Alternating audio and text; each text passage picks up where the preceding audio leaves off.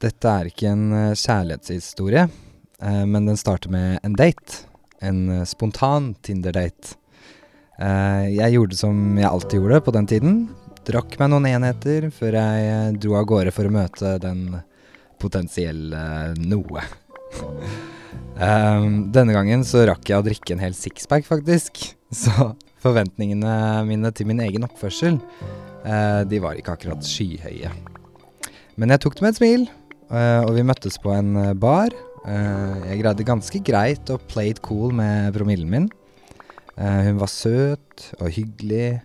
Litt kjedelig, kanskje, men hun ble mindre kjedelig for hver drink vi tok. Og jeg ble mer full, da. Overraskende nok hadde fulle meg klart å sjarmere henne så mye at hun ble med meg hjem. Eh, etter denne daten, da, etter dette ligget, som det ble, så fortsatte vi å møtes eh, jevnlig. Eh, hun var veldig på. Eh, plutselig var hun med på fester med vennene mine, og jeg skjønte etter hvert at hun la mye mer i dette enn det jeg gjorde. Hun ville henge hele tiden, ha sex hele tiden, mens jeg var rett og slett ikke interessert, og tenkte at dette måtte avslutte snart. Uh, hun skulle ut av byen i noen uker, og jeg tenkte at det ville fade ut av det. Uh, perfekt mulighet for meg å ghoste henne. Eh, men så feil kan man ta. Kontakten den ble opprettholdt på internett mens hun var borte. Så møttes vi igjen, og jeg var klar for å gi nådestøtet. Rive av plasteret. Eh, til denne personen jeg egentlig aldri hadde likt, men følt meg litt fanget av. Etter å ha oppdatert hverandre om de siste ukene, så legger vi oss i sengen min, og jeg sier eh, Du, det kommer ikke til å bli oss. Uh, jeg er rett og slett ikke forelsket i deg, liksom. Og etter en liten diskusjon om det, en diskusjon om mine følelser, så lå vi bare der og stirret i taket, før hun sa Men kan vi ikke i det minste ha breakup-sex, da? Og jeg ble liggende og tenke litt på det. Jeg hadde som vanlig ikke lyst til å ha sex med henne.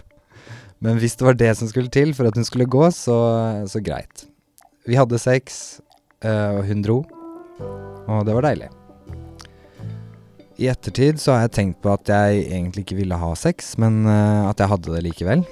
Og mange vil vel se på det som et press.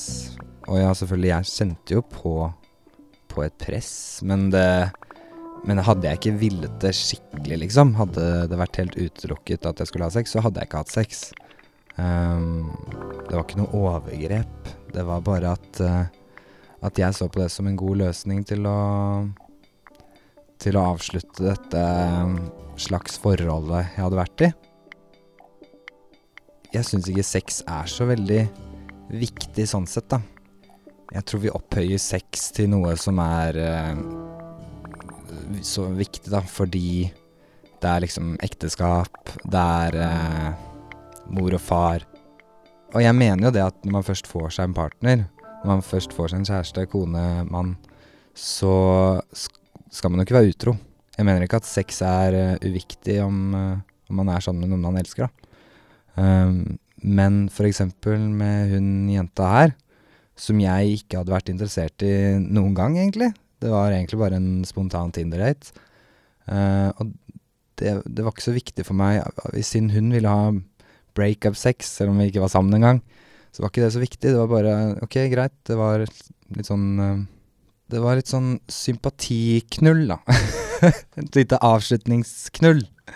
Og det Altså, det var den beste sexen vi hadde hatt i løpet av den perioden jeg skjønte henne.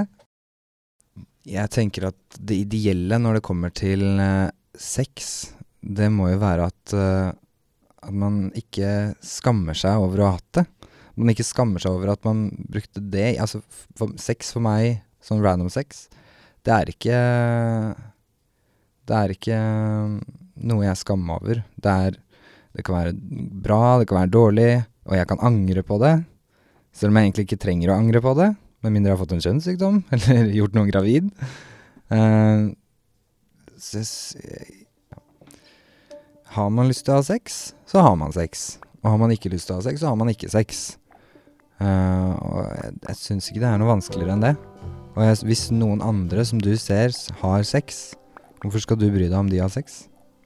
Ja, og hvordan kan folk uh, forstå at uh, sex ikke er noe big deal?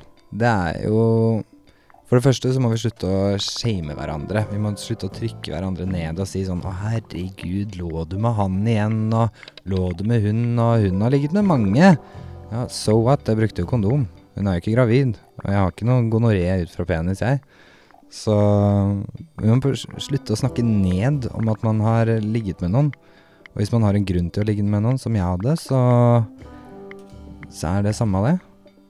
Jeg kommer til å få meg kjæreste en gang. Jeg kommer til å finne kone, mann, noen jeg er glad i.